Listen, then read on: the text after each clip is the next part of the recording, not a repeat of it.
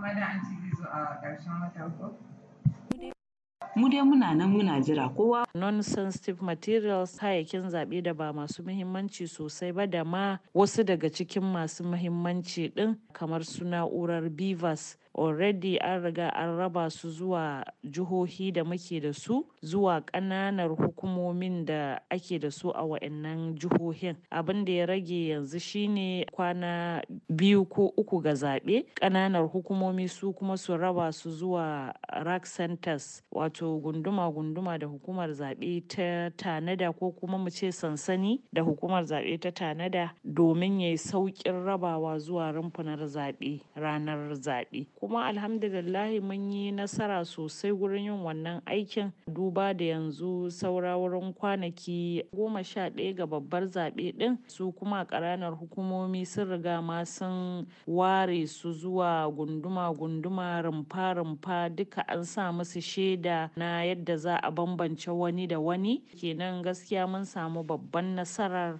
da ake buƙata. A shekara ta 2021 hukumar zaɓe ta ƙasa mai zamar kanta ta samu nasarar ƙara rumfunar zaɓe waɗanda mutane suka yi yawa a rijistar zaɓensu. Bayan kusan shekara 25 da aka yi irin wannan ƙarin ta inda shi ne aka samu ƙarin rumfunar zaɓe. A da muna da rumfunar zaɓe dubu ɗari da goma sha tara da ɗari tara da saba'in da uku. Bayan wannan ƙarin rumfunar zaɓen da aka aka samu adadin dubu ɗari da saba'in da shida da ɗari takwas da arba'in da shida to hukumar zaɓe a ƙoƙarinta na ta ga ta rage wa'annan rumfuna da suka yi yawa ɗin zuwa sabbin da aka ƙara shine ta yi taro da duka masu ruwa a tsaki a wannan harka ɗin ta gaya musu cewa ta ƙara sabbin rumfunar zaɓe. Saboda haka rumfunar zaɓen da aka yi yawa ake samun cunkoso ranar zaɓe. Akwai buƙatar su yi transfer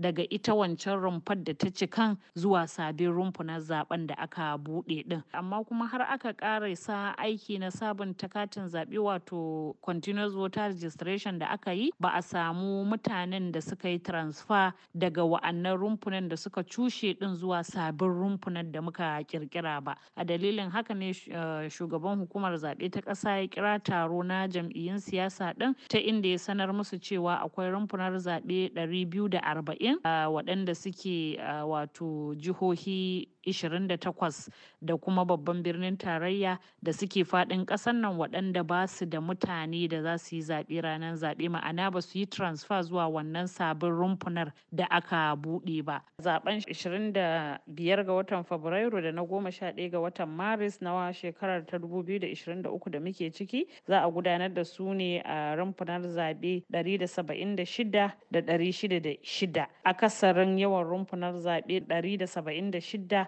da 846 da muke da su a faɗin ƙasar nan. Bisa ga dalilin akwai rumfuna 240 waɗanda babu wanda ya nemi sauyi na rumfar zaɓensa zuwa wannan rumfar. Hukumar zaɓe za ta yi amfani da wannan dama ta tabbatar wa al'ummar Najeriya cewa tana nan tana shirye-shiryenta na gudanar da zaɓe kamar yadda ta tsara shi tun farko. Mun san akwai matsaloli na tsaro da ya addabi kusan dukkan sassa na ƙasar nan amma hukumar zaɓe tana aiki na haɗin gwiwa da jami'an tsaro ƙarƙashin ƙungiyar access wato interagency consultative committee on election security wanda gamayya ne na jami'an tsaro wanda za su su ba da tsaro kafin zaɓen lokacin zaɓe da ma bayan zaɓe. Kuma jami'an tsaron sun mana alkawarin cewa tsaron zai inganta za a samar da yanayi na zaman lafiya da lumana da zai ba mu daman gudanar da zaɓen